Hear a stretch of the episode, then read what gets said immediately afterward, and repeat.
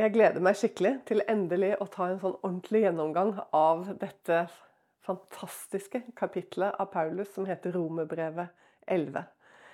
Eh, det er eh, vanskelig, egentlig, å overdrive, eh, betydningen av det som kommer fram her. Hvordan han øser av profetiene og paktene, og bare kommer med en fortettet lære om Israel og menigheten, og hvordan dette forholder seg til hverandre eh, gjennom 34 vers. Og det er faktisk intet mindre enn eh, en frelseshistorisk plan som han viser oss på den mest fantastiske måte, synes jeg. Det er også her vi har denne kjente lignelsen om oliventreet og hvordan han bruker det. Og selvfølgelig så kunne det ikke være noe annet enn nettopp oliventreet, som eh, er brukt av profetene i Det gamle testamentet. Både av eh, Vi vet det er brukt av eh, Jeremia, det er brukt av Zakaria, bl.a. Det går igjen. Og det er jo selvfølgelig også menoraen, som er formet fra bildet av oliventreet. Men dere, la oss nå gå til materien. Og la oss begynne egentlig ved begynnelsen, for Paulus er så morsom. for Han går liksom så veldig rett på sak, og da kan vi òg gjøre det. For han starter etter første versen med å si 'Har Gud forkastet sitt folk?' Og så kommer det bare med utropstegn langt derifra. Litt forskjellige ulike oversettelser hvordan han sier det, men det er like sånn herre Det er liksom ingen tvil. Hvordan kan Paulus være så skråsikker? Da har jeg lyst til at du skal eh, bli med meg. Og så tar vi oss tid til å lese eh, eh, noen vers fra profeten Jeremia, fra det 31. kapitlet. Og da skjønner vi ikke sant? Du har jo også mange andre steder her i, eh, hos andre prof, eh, profeter, men jeg syns Jeremia sier det så flott. Han gjør det to ganger. En gang i 31 og en gang i 33. Og da forstår du Det er viktig at vi forstår hvorfor Paulus sier sånn. Langt derifra utropstegn. Så sier Herren, kommer det, profeten Jeremia. Så sier Herren, som satte solen til lys om dagen, og lover for månen og stjernene, så de lyser om natten. Han som opprører havet så dets bølger bruser, Herren, herskarenes Gud, er hans navn. Dersom disse lover ikke lenger står ved makt for mitt åsyn, sier Herren, da skal også Israels ett opphøre å være et folk for mitt åsyn alle dager. Eh, da skjønner du det sånn?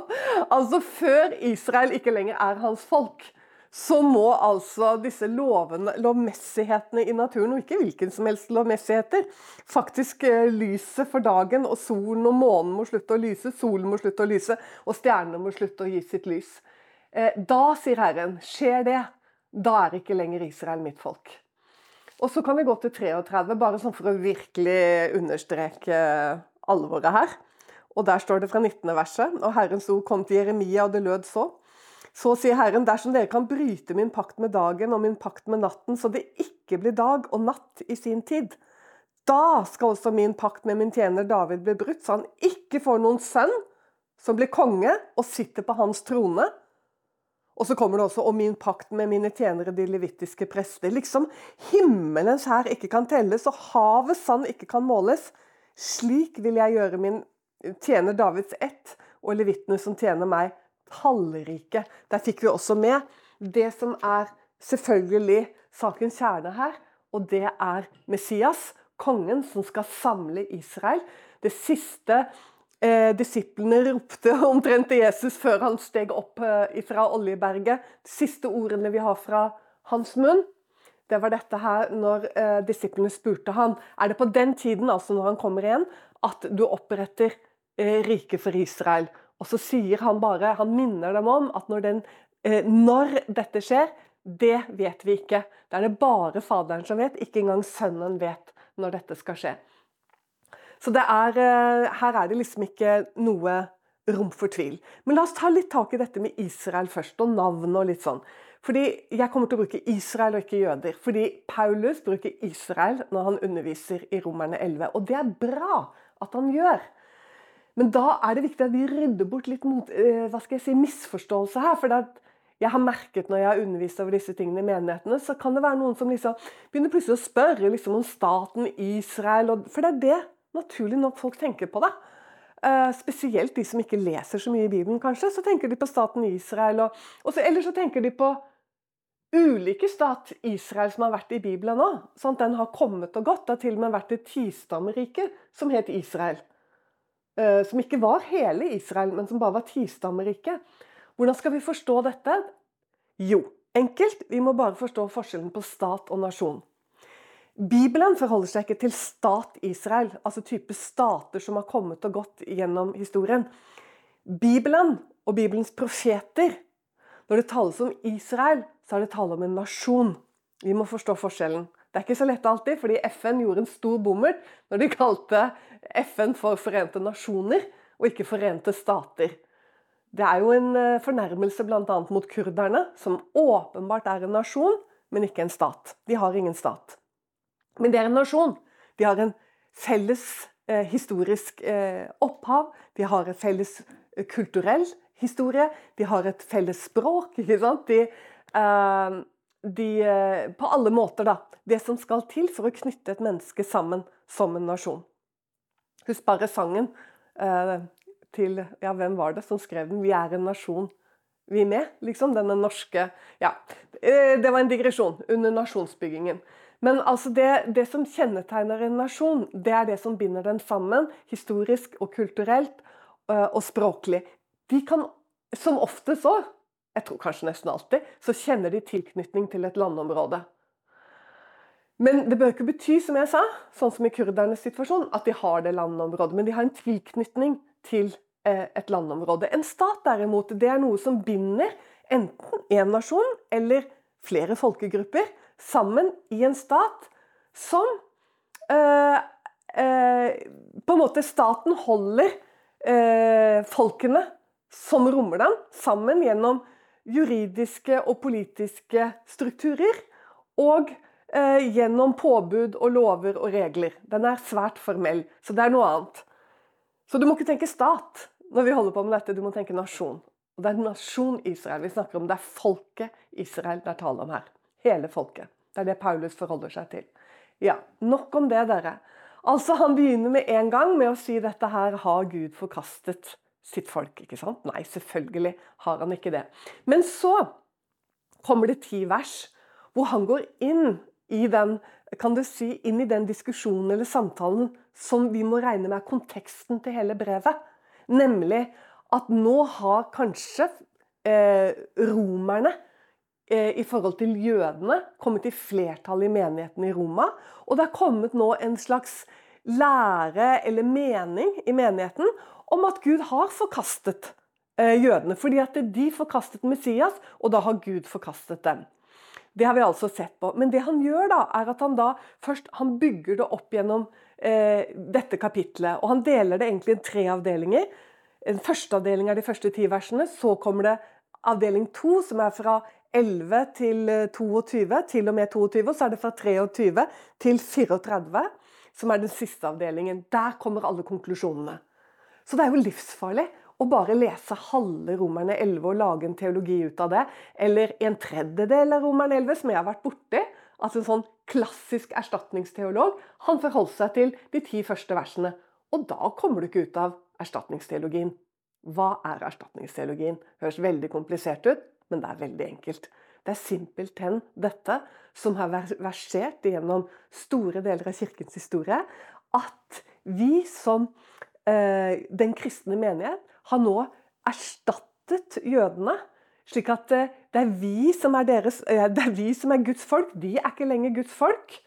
Og det er vi som har arvet alle løftene uh, som uh, tilhørte dem. De tilhører nå Guds menighet. Det betyr ikke at man da mener at Gud har forkastet dem, og at det ikke er håp for dem, og at de har snublet for å falle, som Paulus sier. Men man ser ikke at de har noen spesielle eh, profetier lenger over seg, i betydning løfter. Man ser ikke lenger det. Man ser det heller som at de er som alle andre folk. De er som alle andre folk, men de er fortsatt Guds folk. Og det betyr hva da? Jo, det betyr at Gud fortsatt vil handle med dem. Eh, på, eh, til sin egen hensikt. Og han har gitt de løfter som han har tenkt å oppfylle. Hør nå, Som han allerede har oppfylt, som han i dag holder på å oppfylle, og som han kommer til å oppfylle. Sånn at Israel er fortsatt et tilsidesatt folk som Gud åpenbarer seg igjennom. Dette bygger altså Paulus opp igjennom eh, Romerbrevet, kapittel 11. Og det er når vi kommer til det ellevte verset, det er egentlig først da at det virkelig, vi skjønner at oi, her var det noe mer. Liksom enn de ti første versene var litt mer sånn klassisk erstatningsteologi. Men det er fordi han nettopp går inn i diskusjonen med romerne. Nemlig at ikke sant? Eh, nå er det liksom menigheten som fortsetter å være Guds folk og sånn og sånn. Men så kommer han i, i det ellevte verset, som er veldig, veldig kjent.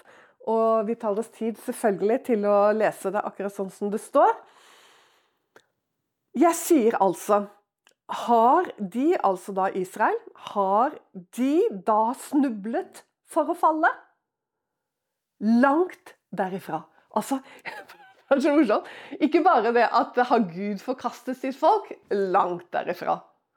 Og så kommer det Har de snublet for å falle? Hva mener han med det? Jo, de åpenbart snublet, sant? Når de forkastet Jesus som Messias. Men så sier Paulus ja, men har de da Har dette, denne snublingen er det blitt for at de skal ligge nede i dette fallet, liksom? Sant? At der gikk de feil, liksom, og det var det. Som ble kirkens lære, faktisk. Utrolig nok. For uh, Paulus sier jo da at langt derifra. Og så sier han noe som jeg, jeg tenker Hva kommer det av at ikke vi har forstått det? For det er så viktig at det er, det er sånn at når du kommer hit, så bør man egentlig legge Bibelen litt til side og bare sitte og la dette synke inn. For det er så stort, det Paulus sier uh, i det kommende. Hør nå. Altså, langt derifra. De har ikke snublet for å bli liggende. Men, så sier han, ved deres fall er frelsen kommet til hedningene. Eh, hedningene, betydningen folkeslagene. Ved deres fall er frelsen kommet til hedningene. For at dette skal vekke dem til nidkjærhet. Altså Uten å ta med den siste setningen 'vekke til nidkjærhet', men la oss bare holde fast i det første han sier. Men ved deres fall er frelsen kommet til folkeslagene. Paulus, hva er det du sier? Sier du det altså at det at det at de holdt på å si på godt norsk gikk på trynet noe så veldig, og rett og slett forkastet Messias, det var nødvendig for at frelsen skulle komme til folkeslagene. Ja, det er det Paulus sier. Og egentlig litt selvfølgelig, hvis vi tenker på profetiene da, som har fortalt om dette. Sant? Både hans første komme og hans andre komme. Og hvor tydelig var ikke Jesaja når det gjaldt hans første komme? Jeg bare minner deg på kapittel 53. Hvor liksom hele hans første komme og hans tjeneste blir oppsummert i den lidende tjener. Som kom for å ta straffen vår på seg. For å ta våre misgjerninger og overtredelser på seg, for at vi skulle ha fred. Nødvendigheten for frelse. Oi, oi, oi. Altså han, Selvfølgelig. Han måtte dø. Det som skjedde på Golgata-høyden, vi vet det jo. Men du kan jo lure på om kirkehistorien har visst det. Det var ikke noe justismord. Liksom. Tenk hvordan jødene har fått skylden for å være Kristusmordere. Dere drepte, liksom. Sånn, Gud sånn. Sånn, Gudsmordere ble de kalt. Det er så merkelig at det i det hele tatt har blitt tenkt på denne måten. Det var ikke noe justismord når Jesus ble korsfestet. Det var en nødvendighet for at verden skulle få forsoning. Fordi Gud forliket seg med seg selv i Kristus. Altså Han forliket seg med verden, egentlig forliker seg med seg selv. Fordi det er jo, det er jo Gud som dør på korset. Det er Guds sønn som dør på korset. Han kunne gått ned, han. Jesus sa det jo, vet du ikke at jeg i denne stund kan selge tolv legioner med engler og stanse hele sant, opptrinnet?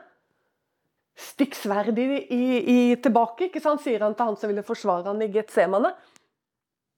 Forstår du? Jesus hadde ikke behøvd å gå denne veien. Men han sa 'la din vilje skje, ikke min'. Så jødene måtte korsfeste han. De måtte blindes. Han måtte dø for oss. De er egentlig som prester som bærer fram det fullkomne offer. Dette offer som ble profetert helt fra begynnelsen i første Mosebok. Dette som måtte komme, og som har utviklet seg og kommet mer og mer kjøtt på beinet gjennom hele Gamle testamentet. Det er dette som er selve den frelseshistoriske plan. At Gud tilsidesetter et folk, prester, for sitt åsyn. Det er det Israel er. Ikke fordi de er noe bedre enn andre folk. Ikke fordi de er liksom noe større enn andre folk, står det i 5. Mosebok i det syvende kapittel. Nei, fordi dere er de minste av alle folk. Derfor utvalgte jeg dere. Hvorfor det? Jo, for sin, for sin egen hensikt. For sin egen hensikt. For å åpenbare for menneskene sin frelse. Jesus sa til kvinnen ved Sykars brønn Hva da? Jo, frelsen kommer fra jødene. Nemlig en frelseshistorisk plan. Tilsidesettelsen av et folk. Hvor Gud åpenbarer seg gjennom dette folket hvem han er, og hvem mennesket er. Og så åpenbarer han løftene om en konge og om et rike og om et land. Det er det Israel handler om. I Jesu første komme og Jesu andre komme. Så de som måtte påstå at det er ikke noen løfter igjen for Israel, de tror heller ikke på Jesu gjenkomst. For det er så mange profetier som er knyttet til hans eh, gjenkomst, som selvfølgelig også er knytta til samlingen av hans folk. Han skal, som profeten har sett, samle Israel.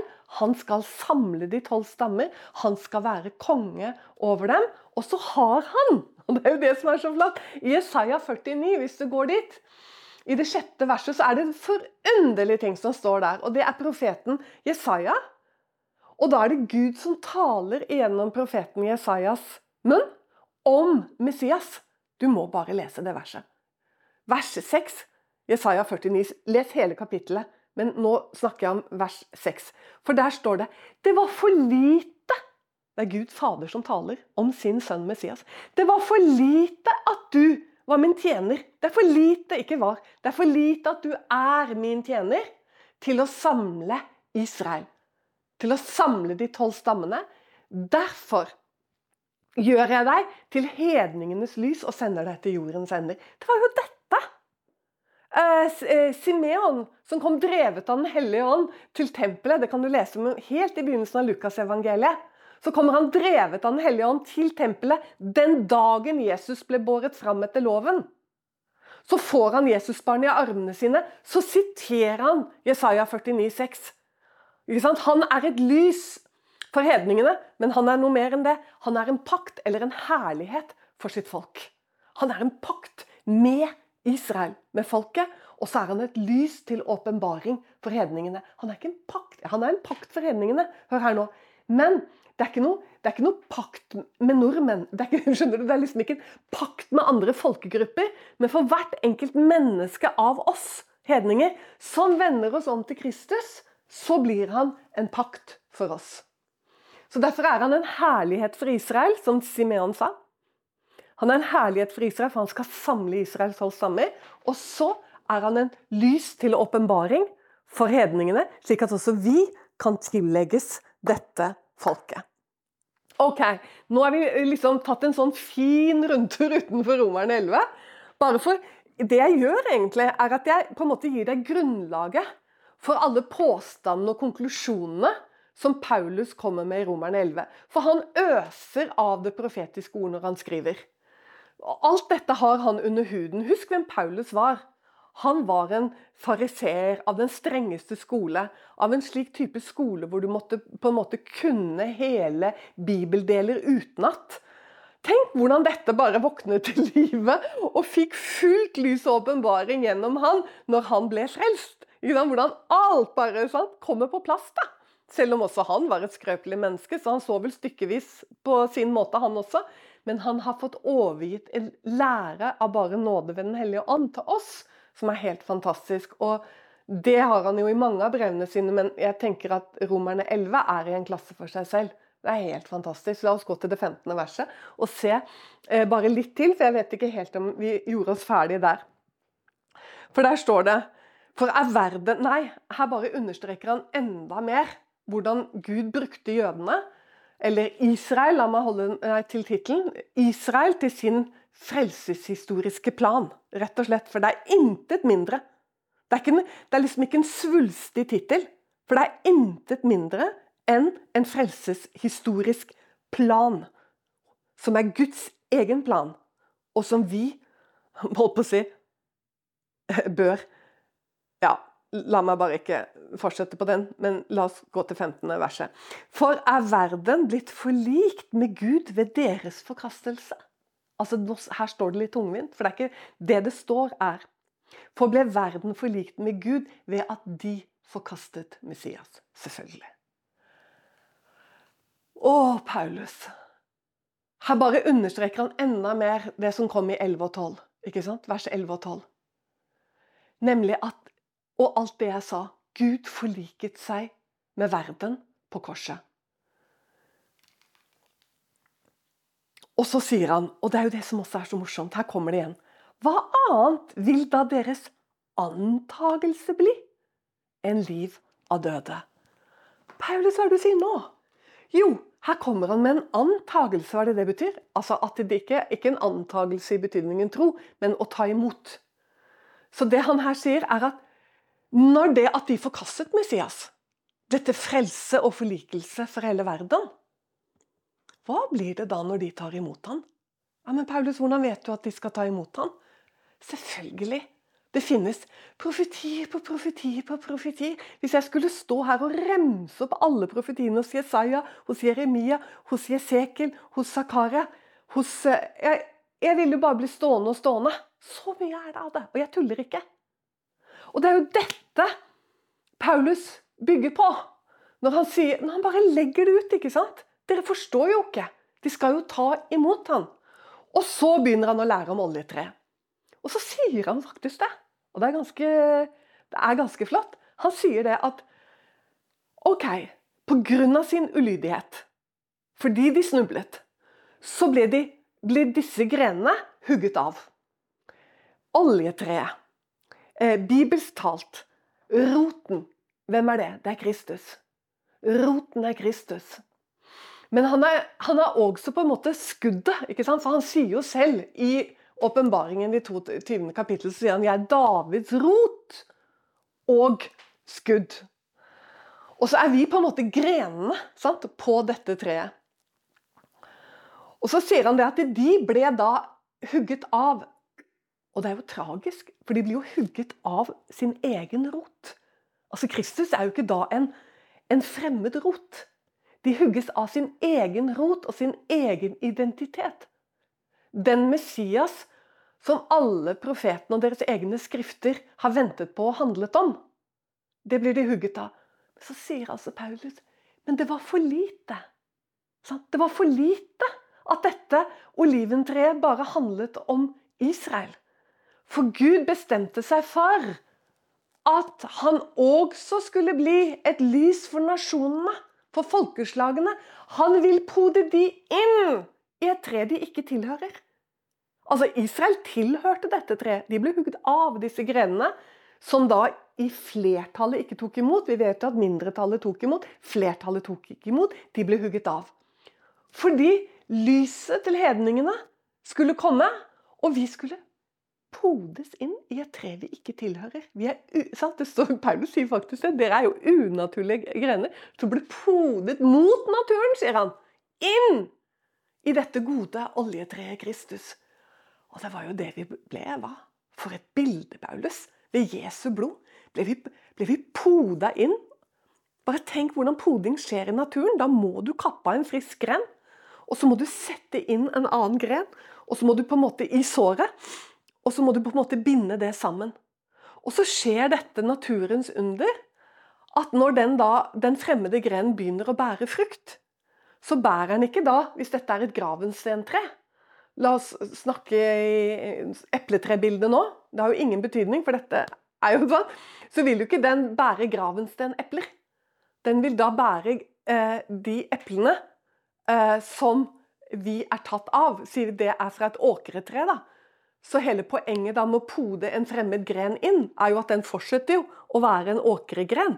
Men den får all sitt liv og sin sevje og alt livet kommer fra rota, fra Kristus. Så vi blir ikke jøder. Sant? Vi blir ikke israelitter på den måten. Vi fortsetter å være fra alle nasjoner og folkeslag, men vi er samtidig ett folk fordi vi lever av den samme roten. Paulus, det er eh, fantastisk. Men videre. Neste liksom, sted, da. Så sier han for det første at vi ikke da skal rose oss, for nå forklarer han oss sant? at eh, det er roten som bærer oss. Sant? Han ber oss om å frykte, for sparte han ikke de naturlige grener? Hva da med deg, som er en unaturlig gren? Ikke sant? Hvis du nå på en måte går bort ifra denne pakten. Så han kommer med litt sånn, da, formaning. Eh, for det er jo tydelig ikke sant, at disse romerne er blitt veldig stolte, da, fordi han sier da videre Og nå må du bare spisse ørene, for her kommer konklusjonene. Virkelig. Virkelig. Han sier eh, fra 24. verset For ble du avhugget av det oljetre som er vilt av naturen, og mot naturen, som jeg sa, innpodet i et godt oljetre? Og så kommer det igjen, disse spørsmålene som han er så god på. Hvor mye mer skal da de altså Israel, bli innpodet i sitt eget oljetre, disse som av naturen hører det til. Her kommer dette her liv av døde igjen. ikke sant? At når de blir podet, hvor mye mer? ikke sant? De som hører til i dette treet. Og så, 25. verset For jeg vil ikke, brødre, at dere skal være uvitende om denne hemmelighet. Og hemmelighet i Bibelen, når det kommer eh, alltid så er det da det profetiske. Her bare blir han veldig tydelig på noe de må vite, nemlig at de skal podes inn igjen. Dere må ikke, brødre, sier han, være uvitende om dette, at Gud skal pode de inn igjen. Hvorfor det da, Paulus? Hvordan kan du vite det? Jo, for de kommer da i neste verset. Fordi gjenløseren skal komme fra Sion, sier han. Det kommer en gjenløser for Israel. Dette kan vi jo lese om hos den ene profeten etter Joel, hos Jesaja, hos Jeremia. Og her bruker han Jesaja helt spesielt, eh, fordi han bruker dette gjenløser. ikke sant? Det skal komme inn gjenløser for eh, Sian, og det er jo da Jesaja 59. Her i min bibel så står det at det skal komme en redningsmann som skal bortrydde ugudelighet fra Jakob 59, 20. Jesaja 59, 20. Og Jesaja 59, konteksten Hører du? Sammenhengen der handler om Jesu andre komme. Eh, det handler om hevn over folkeslagene når han kommer sant, tilbake, og for å redde eh, Israel sitt folk. Og Det står i den sammenhengen. Og dette finner du hos Joel, ikke sant? du finner det hos Zakaria. Det er fantastisk spennende ting. Så han bare slår det fast igjen. ikke sant? Og dere må ikke være uvitende om dette. For det er liksom Dette er eh, Guds ord. Husk hva profetordet er. For deg som ikke er så vant til å tenke så mye rundt dette. liksom Viktighetene og hvor, hvor mye vi kan stole på profetordet. Husk hva Peter skrev. Det er første kapittel, andre Peters brev. Så sier han på slutten der at dess fastere har vi det profetiske ord. Og da sier han det i den betydningen at det er fastere enn om en røst skulle tale fra himmelen. Og Peter taler nå om at de hørte Guds røst tale om Guds sønn. Og han visste hvem som talte, men likevel så sier han at fastere enn en røst, selv om du vet det er Gud til og med, har du det profetiske ord. Fordi det profetiske ordet i Bibelen, som det er så uendelig mye av, er det 2000 eh, separate profetier i Bibelen. Fantastisk. Hør nå. Bibelen er jo en profetisk bok. Det er det som kjennetegner den fremfor alle andre religiøse bøker som måtte finnes i verden. Så er Bibelen først og fremst en profetisk bok. Hvorfor det? Jo, fordi Gud har valgt å åpenbare seg gjennom det profetiske. Hvordan da? Jo, hør her. Han talte, og det skjedde. Han bød, og det sto der. Det vil si at Gud sier 'jeg vil'. Sant? Og dette finnes det uendelig mye av, særlig i Det gamle testamentet. Gjøre sånn og sånn og sånn. Da har du tre alternativer. Enten har det skjedd, eller så holder det på å skje, eller så vil det skje. Det er ingen andre alternativ. Fordi profetordet er det absolutte autoritet. Det er det som du kan være helt fullstendig trygg på. Det er selve grunnvollen. ikke sant? Profetene. Grunnvollen. Hjørnesteinen er Kristus selv. Profetene er grunnvollen som apostlene fikk bygge videre på. Sånn at eh, Derfor behøver ikke Paulus ikke sant, eh, skrive masse, masse, masse profetier nedover i kapittel 11, noe som ville blitt usigelig tungt å lese. Men i stedet så bare kommer han med på en måte de klareste og gjengir de. Og så sier han for at dere ikke skal være uvitende, og så sier han til og med å tro at dere er smarte, liksom. Og det er jo det en del kristne tror, også i dag. At de er smarte. Og jeg var egentlig sånn selv de første fem årene jeg var kristen. Så trodde jeg liksom at eh, ja, det var jo vi kristne som var Guds folk, og jødene er jo ikke noe folk egentlig. Og, og i det hele tatt. Jeg ble så, veldig kraftig satt på plass gjennom Guds ord. Heldigvis. Det er jo fordi man ikke kjenner Skriftene. Det er jo akkurat som Jesus sa, for jeg kjente ikke Skriftene på den tiden. Så jeg hadde bare en formening om noe. For jeg forsto ikke Skriftene. Og det, Dermed så oppfylte jeg jo det Jesus selv sa. Hvorfor går dere vill? Fordi dere ikke kjenner Skriftene, og heller ikke Guds kraft. Det er helt nødvendig å kjenne Skriftene. Og nå, dere, så eh, tar han jo bare og på slutten, da, nå skal vi gå mot slutten, av Romerbrevet 11, men jeg vil at du skal ha med deg en ting til. Og det er også sånn type klinkende klar tale. Og det er jo fra 28. verset, hvor han sier at et, etter evangeliet er de fiender for deres skyld. Her kommer det igjen. Det er tredje gangen han sier det. Det er rett og slett læren om den frelseshistoriske plan. Hvordan han bruker sitt folk Israel for vår skyld. Altså, De er fiender av evangeliet for din og min skyld. For at vi skulle kunne bli frelst, vi også, og bli podet inn iblant dette folket. Hør nå, så sier han Men Altså, De er fiender av evangeliet for vår skyld, men etter utvelgelsen altså derfor, Dette er også hvorfor han vet at de blir podet inn igjen. Men etter utvelges, utvelgelsen er de elsket for fedrenes skyld. Og da kommer paktene. ikke sant? Paktene og eh, løftene. Paktene og løftene. Abraham, Isak og Jakob. De er elsket for fedrenes skyld. Er det noe du og jeg ikke er, som ikke tilhører Israel? Vi er ikke elsket for fedrenes skyld. Tvert imot, for å si det sånn. De er elsket for fedrenes skyld. Tenk at han sier det. Det er helt eh, nydelig. Og det henger jo da selvfølgelig også helt eh, sammen med eh, denne profetien som han kom med. ikke sant? Sånn helt tydelig at han skal bortrydde ugudelighet fra Jakob. Og da, verset før, skal hele Israel bli frelst. Altså, at forherdelse delvis er kommet over eh, Israel, inntil fyldene hedningene er kommet inn i eh, oliventreet. De skal inn, de skal podes inn. Gud skal ha en fylde av hedningene inn. Og så Hva skjer da? Og således, og så skal hele Israel bli frelst. Som skrevet der, fra Sion skal redningsmannen komme. Altså, det kunne ikke for meg er det liksom så utrolig klart. Men det kan også hende med det at for å forstå Romerne 11, så er det faktisk en stor fordel å kjenne eh, eh, godt til Gamle testamentet. Du forstår det eh, Særlig ved egenstudie og lesning så tror jeg det er nødvendig å kjenne Gamle testamentet for at du virkelig skal kunne godta eh, de konklusjonene Paulus kommer med, fordi han bygger hele tiden på profetene og på paktene. Og så tar vi med til slutt eh, den eh, avslutningen, som er litt sånn der, at det er akkurat som Paulus legger fra seg pennen en stund før han plukker den opp igjen. Fordi han, han, han har vel fått altså så lys liksom, mens han sitter og skriver dette her, fra Gud selv. Så han blir helt overgitt over Guds plan, og hvor uransakelige hans veier er da, for oss uh, hva skal jeg si, små mennesker, rett og slett. Men så får vi lov å se stykkevis, og så får vi lov å titte inn i disse gåtene.